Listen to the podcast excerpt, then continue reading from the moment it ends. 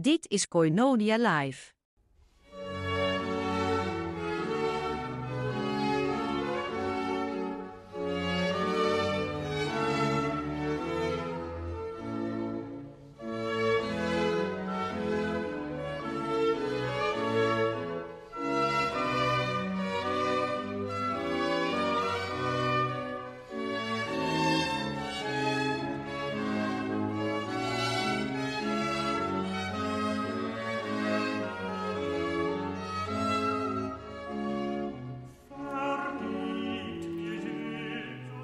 Luistert naar Cornonia Live. Mijn naam is Robert Veen. Dit is de vierde uitzending in een serie die ik genoemd heb. Theologische autobiografie of autobiografische theologie. Ja, dat is maar hoe je er naar kijkt. Als er theologie voorop staat, dan is het autobiografische theologie. Ik ben eh, nu aangekomen bij een heel belangrijk onderdeel in mijn leven. En dat is... eh, het contact met de doopsgezinde broederschap, of eigenlijk met de ministerbeweging. Daar had ik nauwelijks van gehoord. Ik wist wel van het bestaan van baptisten af, die eigenlijk eh, de neefjes zijn van de oude doopsgezinden. Maar dat er dus een, een reformatie geweest is, buiten de reformatie die we nu eh, zien in hervormde en gereformeerde kerken. Een reformatie die begon in ehm, Duitsland en Zwitserland en uiteindelijk ook dus in Nederland kwam, waaraan dus de grote naam van Menno Simons verbonden is, dat wist ik helemaal niet. En die doopsgezinde broederschap, ik heb vorige keer al heel even verteld hoe ik ermee in aanraking kwam, dat is nu niet zo belangrijk, dat hoort bij dat autobiografische deel. Maar wat valt er te zeggen over de theologie van die doopsgezinde broederschap? Want het gaat om een autobiografische theologie in deze uitzendingen. Ik wist wel een paar dingen, want ik was nog actief in de vergadering van gelovigen toen ik in Lelystad kennis maakte met die broederschap. Op zoek dus naar plaatsen om filosofielessen te geven. En dominee Herman Heijn uit Harderwijk, die heeft mij toen geïntroduceerd eh, bij de broederschap. Ik ben in Harderwijk ook lid geworden van de doopsgezinde gemeente daar. En ik heb toen kennis gemaakt met Sjouke Volstra en Olle Hoekema. Die toen uh, gezamenlijk, geloof ik, uh, het rectoraat van het doopsgezind seminarie geleid hebben, uitgevoerd hebben. En ik wist vanaf de tijd van de vergadering alleen maar dat het een en al vrijzinnigheid was. Nou, dat is dus het grote scheldwoord in de vergadering. Vrijzinnig wil zeggen dat je het gezag van de schrift niet herkent, dat je eigenlijk niet tot een oprecht geloof komt, dat je de persoon van Christus veel te laag plaatst. Nou, dat, uh, dat was het woord dat vanuit de vergadering gericht werd tot mij, toen ik aankondigde dat ik contacten kreeg met die doopsgezinde broederschap. Maar er waren een paar werken die ik toen ging bekijken. Dat was voordat ik nog echt kennis had gemaakt met de gemeente zelf en de, en de gemeenteleden zelf uh, in Harderwijk. Um, een paar werken die ik toen gelezen heb. In de eerste plaats dat fundamentboek van Menno Simons. Fundament van de christelijke leer. Het hoofdwerk van Menno Simons uit de 16e eeuw. Uh, ook nog een klein boekje dat ik niet meer heb, dus ik weet niet eens meer uit mijn hoofd hoe het heette, maar dat was een uitgave van het seminarie waarin men probeerde om de fundamentele leerstukken van um, de doopsgezinde traditie weer eens uiteen te zetten. En mensen ook aan te moedigen om daar natuurlijk naar te kijken en gebruik van te maken en zich erop te richten. Want ook in de doopsgezinde broederschap werd gezegd ja, het merendeel van onze gemeente en van onze predikanten en van onze gemeenteleden is inderdaad in die vrijzinnigheid beland. Hè. Hoort eigenlijk thuis bij de remonstranten en um, de vrijzinnig hervormden. Die vormen als het ware samen een kleine, kleine vrijzinnige ecumene. En, en ja, daar liggen dus andere nadrukken. Uh, vrijzinnigheid die bepaald wordt door precies die dingen die in de vergadering werden gemeld. Maar ik las dus ook een boekje dat heette Christelijk Beleiden in Dopersperspectief. Dat was uitgegeven in 1997. En dat was een vertaling van de geloofsbeleidenis zoals die in de Verenigde Staten was opgesteld door de Mennonite Church samen met de General Conference Mennonite Church. En dat heette dan Confession of Faith in a Mennonite Perspective. Dus het idee was dat het algemene christelijk geloof beleden zou worden, maar dat er een element in zou zitten van die dorperse uh, traditie. Nou, laat ik beginnen met uh, Menno Simons met het fundamentboek. Prachtig uitgegeven. Een herdruk van de oorspronkelijke uitgave. Dus ook met gotische letters en met alle uh, voetnoten en, en, en uh, verwijzingen naar de schrift die daarbij hoorden. Prachtige uitgave. En ik was meteen verkocht alleen al door die uitgave, moet ik zeggen. Omdat ik vond dat dat werk, hè, twee kolommen en, en, en ja, prachtig uitgegeven um, in, in Octavo-formaat, dus een grote A4. Ja, ik vond dat erg lijken op die prachtige boeken die in het Rabbijns Jodendom ook werden gemaakt. En ik had het vage idee dat als je zoveel aandacht besteedt aan een prachtige uitgave van de hoofdwerken, het verzameld werk in feite, van de stichter van je kerk, dat je daar toch wel een enorme aandacht voor zult hebben. Dat je daardoor geïnspireerd wordt. Niet wetende dat het grootste deel van de doopschiede broederschap dat nooit gelezen had en daar ook helemaal geen belangstelling voor had. En ook die gotische letters niet kon lezen, hè. Dat, eh, dat bleek ook al heel gauw. Maar ik kon dat wel ehm, en ja, ik kwam prachtige dingen tegen. Een enorme nadruk bijvoorbeeld op de bekering. Want bekering als een soort van verandering van overtuiging. Of ehm, wat heel gebruikelijk was in de broederschap een getuigenis afleggen dat je zo graag naar de zin van het leven zocht, samen met anderen in zo'n doopsgezinde gemeente. Um, ja, dat was hier helemaal niet te vinden, dat, dat soort taal. Maar um, hier stond, je moet je bekeren en het evangelie geloven, um, want daar komt kracht vanuit. En je moet bekeerd raken van je immorele en, en beschamende leven. En vooral met deze nadruk, het is volkomen hopeloos dat we christenen genoemd worden. Het is zonder enig effect dat Christus gestorven, wordt, gestorven is. Um, en dat wij nu leven in de tijd van de genade, dat we met water als volwassenen, notabene, als volwassenen gedoopt zijn op onze beleidenis, als wij niet wandelen in overeenstemming met zijn wet. Die woorden is horen. Als wij niet wandelen in overeenstemming met zijn wet, zijn advies, zijn vermaning, zijn wil en zijn gebod, als wij niet gehoorzaam zijn aan zijn woord. Orthopraxis dus, maar niet zonder orthodoxie. Orthopraxis, maar niet zonder orthodoxie. En die orthopraxis, dat was wat afgesleten in de doopsels in de broederschap in Nederland. En die orthodoxie was bijna nergens meer te vinden. Hier en daar nog. In Ouddorp in Zeeland was zo'n uitzonderlijke orthodoxe gemeente. En je had natuurlijk wel orthodoxe gelovigen te midden van die grotere gemeenschappen. Maar de gemeente als geheel en de prediking van de voorgangers als geheel was toch eigenlijk gewoon wel vrijzinnig te noemen.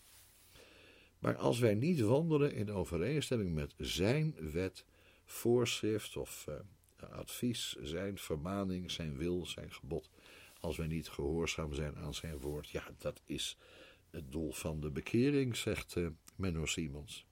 Wij komen tot bekering opdat wij de wet zullen doen.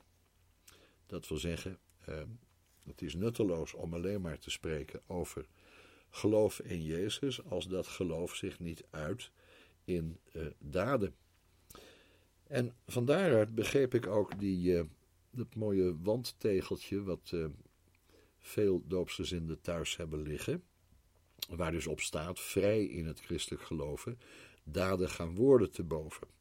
Dat werd duidelijk vanuit die teksten van Menno Simons, wat daarmee bedoeld werd. Vrij in het christelijk geloven was niet vrijzinnig in geloof, maar dat je je christelijke geloof, je geloof in Christus en je gehoorzaamheid aan Christus kon uitoefenen, onbelemmerd door allerlei instituties en de overheid die eh, zouden voorschrijven hoe je moest geloven. Maar dat is heel iets anders dan dat je vrij was van het christelijk geloof. En dat je eigenlijk geen christelijk geloof had. Dus de orthodoxie speelde een rol. Maar meteen daarachteraan, daden gaan worden te boven. Ja, maar dat waren daden in de gehoorzaamheid aan Gods woord. En die waren veel belangrijker dan allerlei ijdele woorden en beloften die je dan helemaal niet kon waarmaken. En dat stond bij Menno Simons en zo. Eh, wat voor voordeel heeft het nu om veel over Christus en zijn woord te spreken, als wij niet Hem vertrouwen en weigeren om zijn geboden te gehoorzamen? Wat heeft het dan voor zin? Dus het was een uh, duidelijke oppositie tussen in Christus geloven en Hem navolgen, Hem gehoorzamen aan de ene kant, en daartegenover uh, ja, een uiterlijk geloof dat wel over Christus en zijn woord sprak, maar daar eigenlijk helemaal niets mee deed. De bekering waarom het dus ging was een daad van berouw. Uh, sterven aan de zonde, uh, sterven aan alle ongoddelijke werken en niet langer leven in overeenstemming met de begeerten van het vlees. Dus niet meer wandelen naar het vlees, maar leren wandelen naar de geest, Romeinen 8, vers 4. Maar het wandelen naar de geest betekende gehoorzaam worden aan de wet van Christus, zijn opdrachten, zijn geboden. En ik vond dat een prachtige eh, manier van denken en geloven. En ik hoopte dat de doopsgezinden dat dus ook eh, zouden laten zien en dergelijke betrokkenheid op de eenvoudige gehoorzaamheid aan Christus. Gebaseerd dus toch op ehm, de uh, orthodoxie, hè, het juiste geloof, eh, waarin we Christus accepteren als de Verlosser en als de Heer. Dat Menno Simons dus vasthield aan de orthodoxe leer was wel duidelijk in zijn strijd bijvoorbeeld met Adam Pastor, die een unitariër was, ver voordat er sprake was van een unitariër beweging. Maar Adam Pastor die leerde dus dat Jezus niet God zelf was, maar dat hij de mens was die door God was aangesteld. En, en, en dat is toch wel aardig dat, hoewel Menno Simons die triniteitsleer uiteindelijk toch bevestigt, dat hij daar helemaal niet zo de nadruk op legt, omdat hij juist de, uh, het mens zijn van Jezus voorop wil stellen, want het is de mens Jezus die we moeten navolgen. Ja, het is prachtig om te zeggen dat je God moet navolgen, maar is dat niet een bijna onmogelijke opdracht?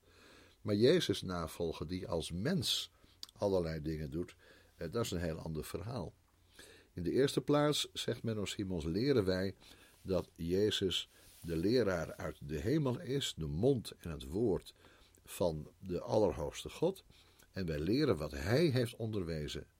Johannes 3, vers 2 wordt dan geciteerd: Nu is de tijd van genade, een tijd om op te, uh, om te ontwaken vanuit de slaap van onze uh, kwaadaardige zonde om oprecht te zijn, bekeerd te zijn, vernieuwd te zijn, um, berouwvol te zijn en een, een, een berouwvol hart te hebben. Nu is de tijd om afstand te doen van onze eigenzinnige manier van leven. Nu is de tijd om de vrezen van God te volgen en ons uh, zondige vlees te kruisigen. Nou, dat is dus nogal wat. Komt aardig overeen met een bepaalde ethiek die ook in het Calvinisme wel aanwezig is. Maar dit is voor uh, Menno Simons de belangrijkste zaak. Bekering betekent berouw over de zonde, betekent een beteringen des levens, zoals het bij hem heette, een nieuw leven beginnen. Nou, eh, helemaal in overeenstemming met wat Jezus op aarde geleerd heeft. Want hij heeft op aarde niet uh, geleerd dat we de, de, de, geest ontvangen en, en dat er dan een nieuwe tijd aanbreekt. En al die zaken die je bij Paulus vindt na de opstanding. Je vindt in het leven van Jezus ja, de opdracht om te aanvaarden dat Gods koningschap dichtbij is. En dat je nu moet gaan leven zoals God dat van je vragen zal. En uh, dat betekent een heleboel verschillende zaken. Nou, daar zullen we het uh, straks dan nog eens even over hebben.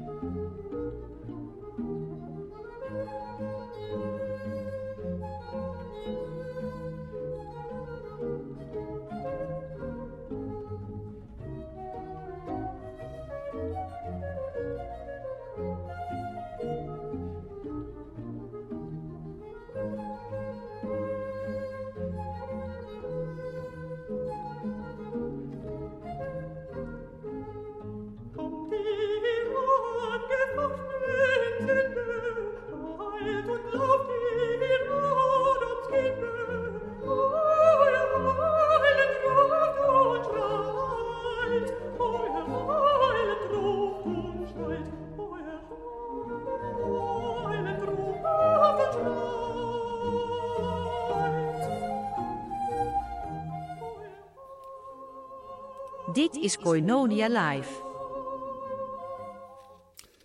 Ja, die uh, geloofsbeleidenis uit 1997.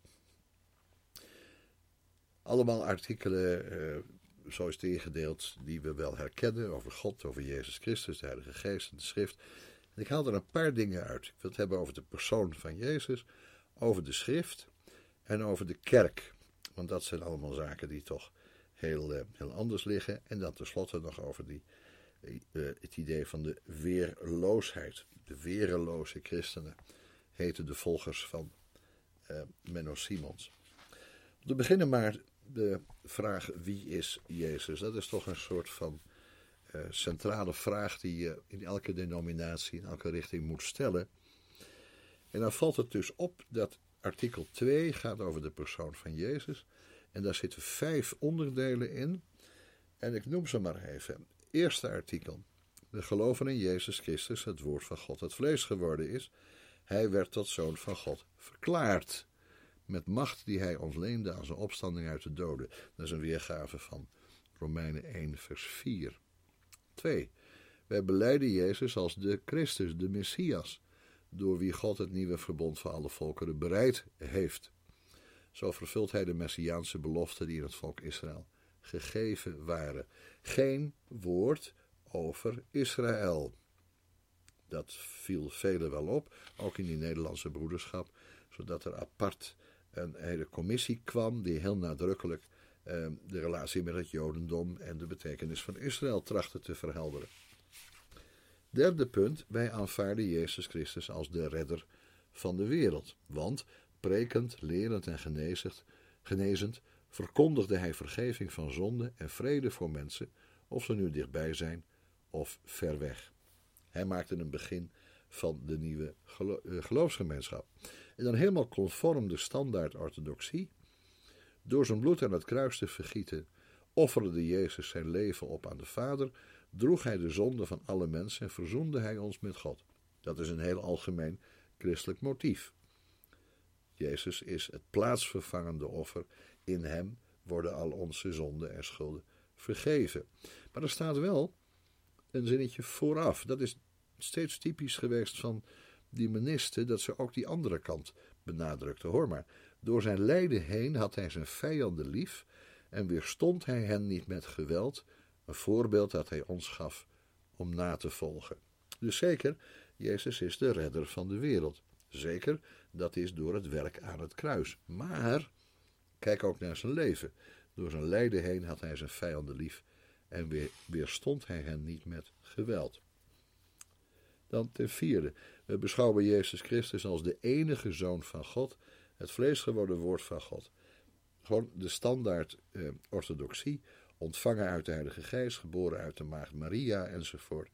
Eh, en dan komt dit zinnetje. Volmaakte menselijke naar verzoeking blootgesteld zoals wij dat zijn, maar zonder zonde, staat hij model voor de mens zoals die bedoeld is. Dat hoor je dan niet zo gauw in een uitleg van de, nou ja, de Niciaanse geloofsbeleidenis. Um, en je hoort zeker niet dit. Volkomen goddelijk is hij degene in wie God in volheid verkoos te wonen. Dat is opvallend. Volkomen goddelijk is hij degene in wie God in volheid verkoos te wonen. Dus de goddelijkheid van Jezus is het resultaat van een beslissing van God om met heel zijn volheid in hem te wonen. Zo wordt het Nieuwe Testament uitgelegd. Dus hoewel je een bevestiging krijgt van de Triniteit, hè, Jezus de unieke Zoon van God, volkomen goddelijk, eh, heb je een even eh, gelijke of misschien wel grotere nadruk nog op zijn eh, menselijkheid. Ja, en dan toch weer hij is het beeld van de onzichtbare God en alle dingen zijn door hem en tot hem geschapen, want hij is voor alle dingen. Er is een enorme neiging geweest om de orthodoxie over God de Zoon, ehm, de godheid van Jezus, in evenwicht te houden met zijn menselijkheid, waarin hij ook het voorbeeld is voor ons. En dat vond ik destijds dus een hele sympathieke theologische strategie. Vervolgens wij erkennen Jezus Christus als het hoofd van de kerk, als zijn lichaam. De kerk gaat voort met haar dienst van vergeving, gerechtigheid en vrede in een gebroken wereld. De kerk zet dus in zekere zin de missie van Jezus voort. Daar kom ik later op terug als we het hebben over de ministerleer van de gemeente. En dan eindigt het hiermee, het zesde punt. Wij aanbidden Jezus Christus als degene die God verhoogd heeft en gemaakt heeft tot Heer over allen. Hij is onze Heer en de Heer van de wereld, hoewel die God nog niet als zodanig erkent. We leven in de zekerheid dat Hij weerkomt, als degene die de hele mensheid zal oordelen. Dus wat kun je hier vinden? Je kunt hier vinden alle bekende elementen van de gangbare orthodoxie, maar gekoppeld aan een benadrukking van zijn menselijkheid. Immers, hij is waarachtig God en waarachtig mens, vere homo, vere deus. Ehm, maar die benadrukking van dat mens zijn van Jezus gaat behoorlijk ver en leidt ertoe dat Jezus ook degene is die wij moeten navolgen, die het model is van de ideale mensheid bijvoorbeeld. En dan moeten we ook nog dit zeggen. Er is in de ministertraditie een neiging, en dat zag je ook bij de grote minister-theoloog John Howard Yoder, om de relatie van God de Vader en God de Zoon op te vatten als een adoptieverhouding. En daar heb ik mij destijds heel erg tegen verzet. En nu langzamerhand door eh, goed en nauwkeurig te lezen in het Nieuwe Testament en ook door opnieuw te kijken naar de eh, positie die Paulus in de hele openbaring inneemt, krijg ik daar steeds meer eh, respect voor. John Howard Yoder die zegt adoptianisme was de allereerste manier waarop de vroege kerk het antwoord heeft willen formuleren op de vraag wie is Jezus. Nou, ehm, op de manier waarop dat hier ook in het document van 1997 gezegd werd, uh, voorkomen menselijk enzovoort, maar voorkomen goddelijk is hij degene in wie God in volheid verkoos te wonen. Dus de goddelijkheid van Jezus is een gevolg van een beslissing van de Godheid in de mens Jezus eh, eh, te wonen. En dat is, eh, denk ik, een belangrijke eh, ja, relativering van de Triniteitsleer. Ook meteen aan het begin van het artikel. Hij werd tot zoon van God verklaard. In de toelichting wordt ook gezegd: eeuwenlang is in de christelijke blijvenissen beleden dat Jezus Christus zowel een menselijke als een goddelijke natuur heeft. Nou, dat is dat vere deus vere homo. De Bijbel bezigt de term naturen om Jezus Christus te beschrijven niet. Nou ja, en die oude minister en die nieuwe minister in Amerika, die wilden graag heel bijbels blijven. Als we deze term gebruiken, moeten we nog de menselijke, nog de goddelijke kant over accentueren. Dus je mag het best gebruiken, maar dat is niet de voorkeur. Maar ehm, we kunnen dat doen, die goddelijke kant en die menselijke kant. Maar die goddelijke kant, volgens de beleidenis, is dus het gevolg van een keuze van de Godheid om met heel zijn volheid in Jezus Christus te wonen. Ehm, zeker, er is ook een uh, goede reden geweest voor die minister om toch die orthodoxe uh, triniteitsleer te volgen. Als zoon van God deelt Jezus Christus voorkomen in de aard en het werk van de drie-enige God. Heel apart, uh, want wordt daar nou rechtstreeks mee gezegd dat Jezus Christus God de Zoon is? Nee, hij deelt in de aard en het werk van de drie-enige God. En die drie-enige God is God de Vader, God de Zoon, God de Heilige Geest. Maar hoe is nou de uh, verhouding tot Jezus Christus? De Bijbel leert bijvoorbeeld dat Christus deel had aan de schepping. Ja, en dat kun je dan weer volgens mij niet zo zeggen. Je kunt zeggen dat God de Zoon deel had aan de schepping, maar je kunt weer niet zeggen dat Christus deel had aan de schepping. Als je dat een beetje scherp van elkaar onderscheiden wil. Dat wil zeggen die dogmatische leer en de Bijbelse leer. Problematisch dus, maar ik, ik vond dat toch wel prachtig dat hier gezocht werd naar een veel nauwkeurigere manier om de Bijbelse eh, tekst te volgen. Dus mijn eerste eh, opvatting eh, over die Triniteit, gevormd in de vergadering, werd daardoor toch wel een beetje eh, veranderd en gepreciseerd. We gaan zo direct maar eens even kijken hoe we moeten opvatten eh, wat dan hier minister over de schrift zeggen. Maar dit is hun leer dus over Jezus Christus, zoals dat ook eigenlijk uit die teksten van Menno uh, blijkt. Het was wel zo dat die Triniteitsleer een soort dogmatische grens gaf, want wie daar echt overheen stapte, zoals Adam Pastor En later de Socinianen, die stapten eigenlijk buiten het doperse erf. Toch hebben veel doopsgezinden in de 19e eeuw aanleiding gezien om die unitarische denkwijze zich eigen te maken. En ik zou mij verbazen dat er op dit moment veel doopsgezinden zijn die Jezus als God de Zoon zouden zien.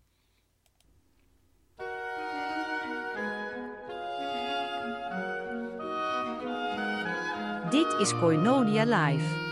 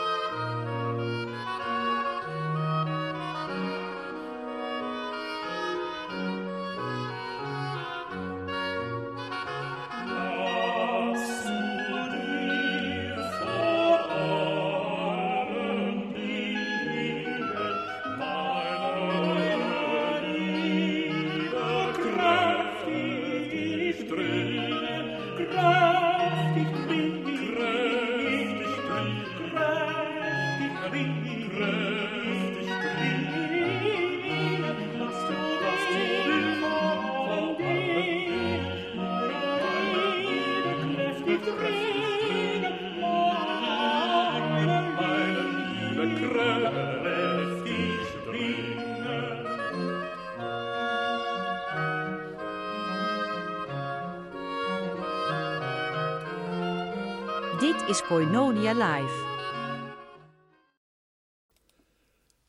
Hoe zit het dan met de Heilige Schrift? Artikel 4. Wij geloven dat de hele Schrift door God geïnspireerd is via de Heilige Geest en dient tot heilsonderricht en oefening in de gerechtigheid. Ja, dat is toch een aardige, orthodoxe uitspraak. Wij aanvaarden de schrift als het woord van God en als de voorkomen betrouwbare en gezaghebbende norm voor christelijk geloof en leven. Geleid door de Heilige Geest in de kerk proberen wij de schrift te begrijpen en uit te leggen in overeenstemming met wat Jezus Christus voorstond. Nu is dat in feite zo geweest in de doopsgezinde theologische geschiedenis, dat er een leer was die zei, um, het gaat niet om de tegenstelling tussen uh, dat moet eventjes uit, um, een tegenstelling tussen um, schrift en geest, maar het gaat om schrift en de geest, dat wil zeggen, de geest is datgene wat het uiterlijke woord, het geschreven woord, innerlijk maakt.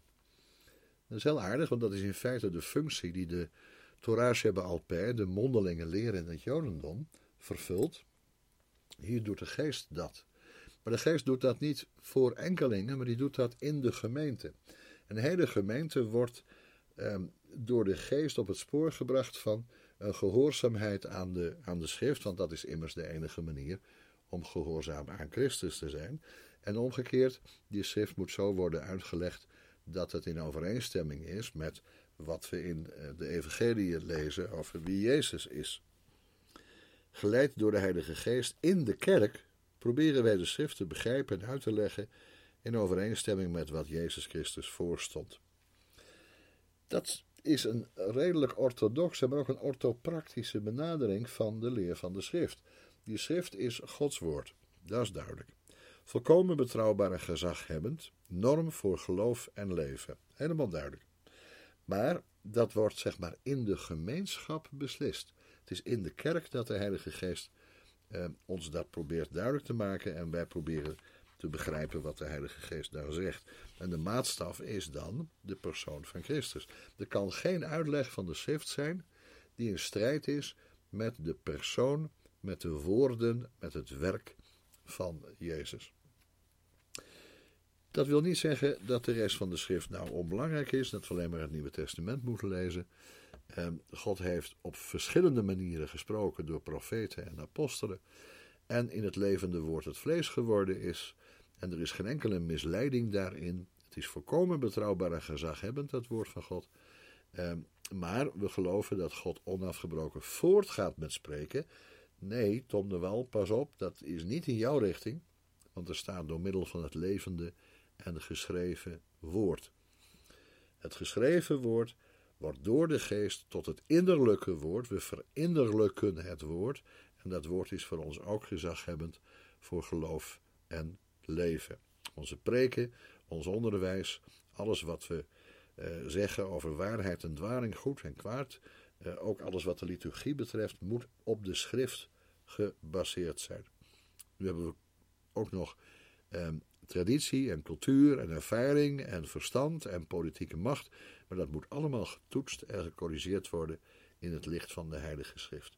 Het is echt de norma normans van, van de kerk, de absolute norm. Kernboek, maar voor de kerk. En ik vind dat dat heel interessant is. De combinatie van eh, woord gaat altijd samen met geest. De geest legt de schrift uit. En er is dus niet een onafhankelijke, uh, ongelovige manier van de Bijbel begrijpen. Um, ten tweede, de norm daarvan is de persoon van Jezus. En ten derde, dat gebeurt in de gemeenschap. Het is de geest die consensus schept in de gemeenschap.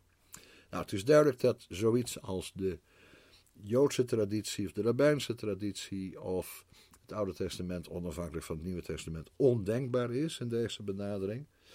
Maar het is ook ondenkbaar dat je helemaal je verlaat op geestelijke ervaringen en ehm, een eigen traditie, bepaalde cultuur, bepaalde ervaringen als uitgangspunt neemt. De Bijbel als het woord van God gaat daar verre bovenuit.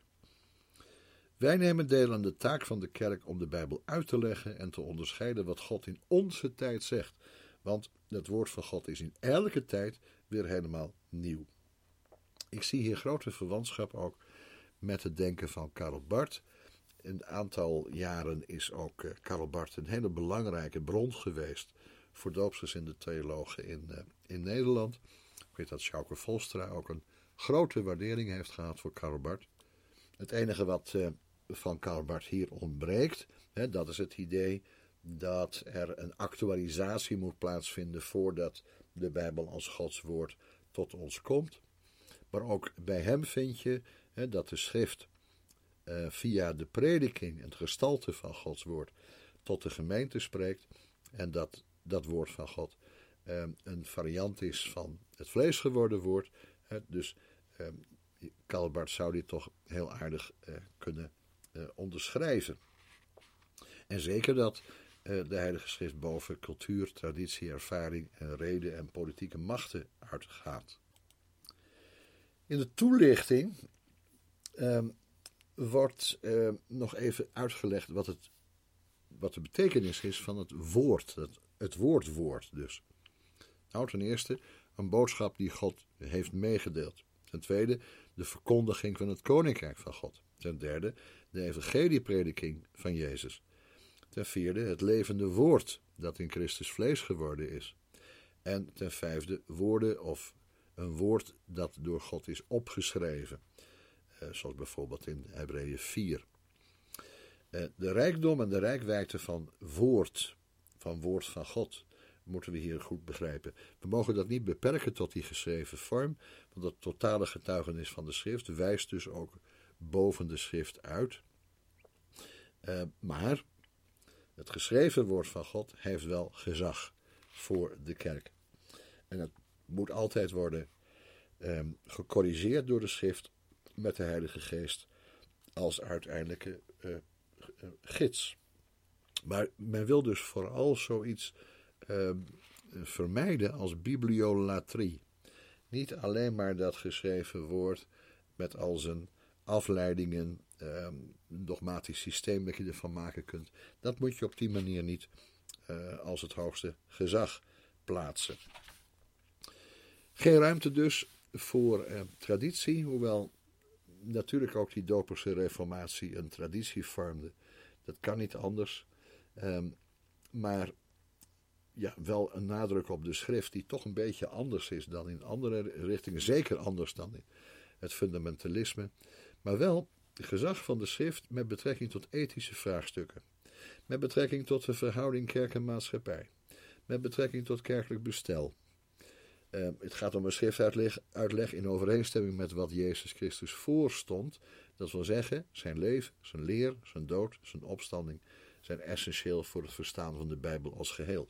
Er zijn als het ware vier brandpunten uh, van waaruit je de schrift moet bekijken. Niet alleen maar uh, dus na Pasen, niet alleen maar in het licht van de opstanding, maar ook in het licht van zijn leven en leer. En dan tenslotte de gemeente van gelovigen als de plaats waar getoetst moet worden hoe de individuele gelovige de schrift begrijpt en interpreteert. Dus een doopsgezinde gemeente in theorie is niet een verzameling losse individuen die elk op hun eigen vrije manier een geloof bedenken, maar het is de plaats waar we elkaar toetsen, elkaar bij de les houden ehm, en waar we samen moeten bepalen wat ehm, het christelijk geloof dat feitelijk zegt. Nou, dat is in die doperse gemeente feitelijk niet het geval geweest. Uh, zo heeft men het eigenlijk niet verstaan. Dus deze beleidenis van 1997 heeft ook eigenlijk maar heel erg weinig uh, ondersteuning gevonden. En dat is eigenlijk heel jammer, want als ik er naar kijk, uh, voel ik me wel geprikkeld om daar nog wel wat accenten te leggen en wat zaken aan toe te voegen. Zeker wat betreft het belang van de Joodse traditie daarin. Um, zeker wat betreft um, de plaats van de leraren in dit geheel, want die lijken geen rol te spelen. Maar het gaat uiteindelijk om wat de hele gemeente denkt. Maar afgezien van dat soort zaken kan ik me eigenlijk heel goed vinden hierin. Want het is toch wel heel belangrijk om niet te zeggen, nou, de geest werkt onafhankelijk van de schrift. Dat is een enorme fout. Of om te zeggen, het woord werkt onafhankelijk van de geest. Dat is een even grote fout. En alleen maar erop hameren hè, dat wat uh, uh, jij zo bedenkt en wat de geest downloadt en je haalt het uit de schrift. Uh, hoewel die schrift dat helemaal niet zo rechtstreeks zegt, maar dat is dan nieuwe openbaring. Wat in die charismatische gemeente op dit moment schering en inslag is, dat is natuurlijk absoluut in strijd met wat deze beleidenis zegt. Maar ook het reformatorisch schriftbegrip kun je hier niet zo terugvinden. Dus het is een hele slimme en afgewogen manier om over uh, de schrift te spreken. Uh, en uh, de plaats van de schrift in de gemeente ook vast te leggen. Waar ik nu van zou zeggen, ja, dat behoeft enige aanvulling, maar het is niet fundamenteel verkeerd.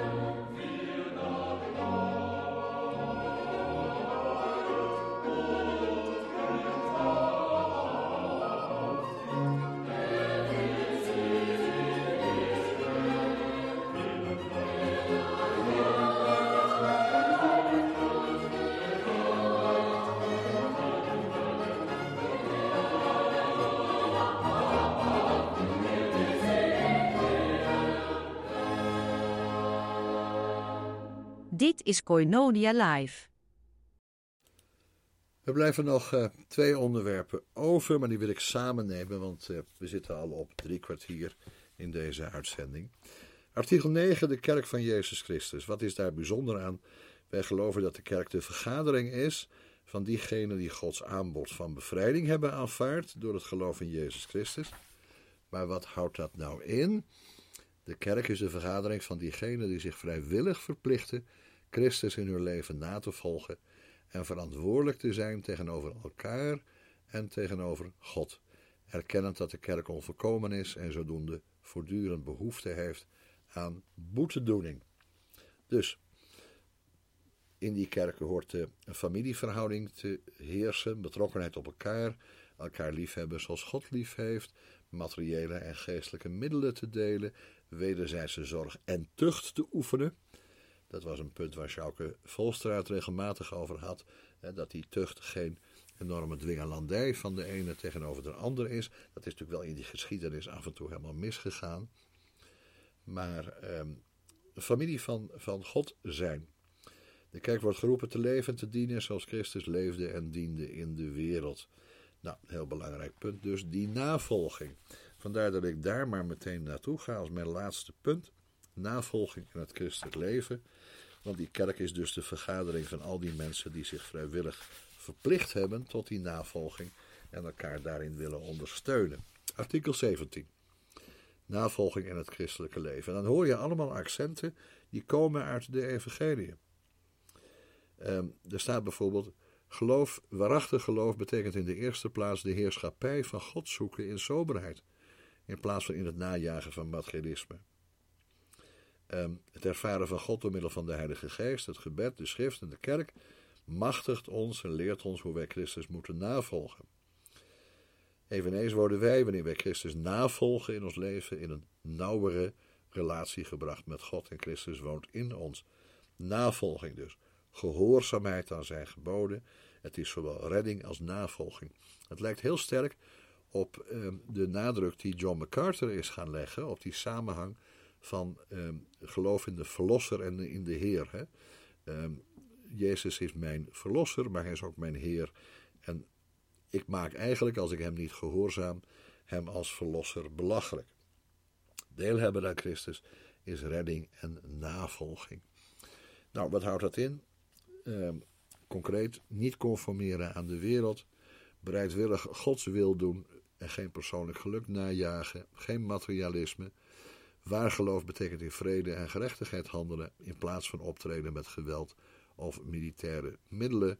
Trouw aan Gods koninkrijk, geen trouw aan een nazistaat. Met een theor, nazistaat of etnische groep die een beroep doet op onze loyaliteit. Dus ook Amerikaanse ministers Ehm, volgen niet in de allereerste plaats de voorschriften en de ideeën van de staat. De waarheid eerlijk bevestigen, de waarheid geloven, kuisheid en trouw en huwelijkse belofte. Uh, ons lichaam behandelen als Gods tempel in plaats van uh, zaken die tot verslaving rijden, uh, leiden. Het verrichten van daden van mededogen en verzoening en levensheiligen, enzovoort, enzovoort. Navolging van Jezus als ons voorbeeld Vooral in zijn lijden voor recht zonder vergelding, in zijn liefde voor vijanden, in zijn vergeven van diegenen die hem vervolgden. De maatstaf is dus de daden, het leven van Jezus en de opdrachten van Jezus. En daarbij speelt dus dat Oude Testament helemaal geen rol meer. Dat vind ik heel jammer daaraan. Maar de concreetheid hiervan is natuurlijk wel heel aangenaam. Want dat ontbreekt in vele andere vormen van christendom. Navolging hoort erbij. En lijden kan dus ook het gevolg zijn van die navolging. Als iemand mij volgen wil, laat hij zichzelf verloochenen en zijn kruis dagelijks opnemen en mij volgen. Bij de oude dopers was er een leer van een drievoudige doop. Toen ik nog docent was aan het doopsint seminarie, was dat ook een van de thema's van een collegeserie, die drievoudige doop. In de eerste plaats konden we met Karel Bart zeggen, uit uh, de kirchliche dogmatiek, deel 4, uh, 4 en 5, de, uh, pardon, 4.3, 4.3, dat is de kirchelijke dogmatica over de doop. Wat aan alles vooraf gaat is de doop met de Heilige Geest. de wedergeboorte of de oprechte bekering of de besnijdenis van het hart of eh, de vernieuwing, uh, het berouw, de penitentie van Menno Simons, hoe je het ook noemen wil, maar dat is het begin. Dopen met de Heilige Geest.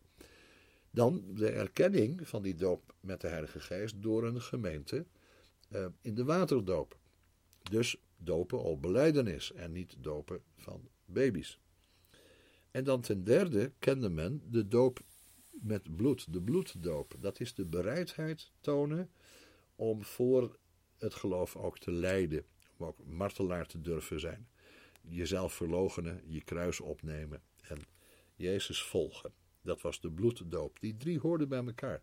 Want je moest als het ware ook in het dagelijks leven die standvastigheid laten zien om te blijven staan ondanks vervolging en tegenstand.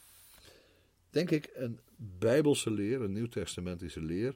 Of dat nou de drievoudige doop moet worden genoemd, weet ik niet. Want ze staan niet allemaal op hetzelfde niveau. maar ehm, het komt allemaal vanwege de woorden van Jezus aan de zonen van de donder. Als hij zegt met de doop waarmee ik gedoopt ben, kunnen jullie niet gedoopt worden. Dat is die bloeddoop, de martelaarsdood van uh, Jezus Christus. Ik heb dit alles destijds prachtig gevonden, tot ik erachter kwam in de praktijk van de doopsgezinde gemeente. Ik werd lid van de gemeente Harderwijk. Dat al deze schitterende perspectieven, zo leek het mij toen, die schitterende perspectieven in feite door de doperse gemeente helemaal niet werden gevolgd. Dat men wel de nadruk legde op de vrijheid voor ieder individu om zijn eigen geloofsrichting te bedenken. En dat men het zo opvatte, vrij in het geloven, hoe christelijk dat ook maar zijn zal. En dat men het gemeenschappelijke element van de gemeenschappelijke beleidenis niet zag. Ja, en dat de schrift helemaal die rol niet uh, speelde. Dat men eigenlijk heel weinig wist van, uh, van de schrift. Uh, ja, net zoals de meeste hervormden dat hadden. Er waren ook trouwens heel veel hervormden die dat een wat we benauwende omgeving vonden en dan lid werden van de doperse gemeente. Maar dat was mijn enorme teleurstelling. Dus toen ik zelf predikant werd bij de doopsgezinde broederschap, probeerde ik dat wat te corrigeren. En helemaal toen ik docent werd aan het seminarie, probeerde ik dat wat te corrigeren bij de studenten die onder mijn aandacht kwamen. Maar het was niet te doen. De Nederlandse doopsgezinden zijn heel ver afgeweken van hun eigenlijke fundament. Nou denk ik daar nu minder streng over dan destijds, maar toen dacht ik, ik moet hier toch niet blijven. Dit is geen plek waar ik kan zijn. Toen helaas op uh, veel te vroege leeftijd Sjouke Volstra overleed, zag ik ook reëel geen toekomst meer. Niet voor mijn docentschap en niet voor mijn werk in de gemeente. En uh, toen ben ik daar weggegaan. Dat was de tweede grote breuk in mijn leven. De breuk met de vergadering. Maar dat was echt omdat ik me theologisch verzette tegen wat ze leerden. En bij de doopsgezinden niet vanwege een theologisch verschil, maar vanwege het verschil tussen de echte doperse theologie, die ik had leren kennen en waarderen, en de praktijk in de doperse gemeente. Zowel als predikant, als voorganger, als uh, ook als lid van de gemeente was dat contrast eigenlijk veel te groot. En toen is er een tijd gekomen dat ik dat doperdom toch wel ver achter me liet. Hoewel, zal blijken uit de volgende aflevering, dan praat ik over mijn tijd in de hervormde kerk en in de uh, Belgische hervormde kerk. Um, ja, dan is toch um, iets van dat doperdom wel blijven plakken. Terwijl het mij tevens de doperdom altijd weer op het spoor van het jodendom heeft gebracht. Dat is heel merkwaardig, maar dat komt waarschijnlijk door die concreetheid van de navolging en een zekere eigenzinnige kijk op, uh, op de orthodoxe dogmatiek.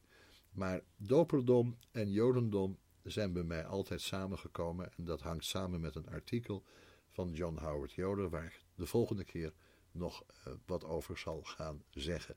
Dank voor het kijken en luisteren en graag tot de volgende keer. U hebt geluisterd naar een uitzending van Cornonia Bijbelstudie Live. Ga naar cornoniabijbelstudie.nl voor meer audio en video.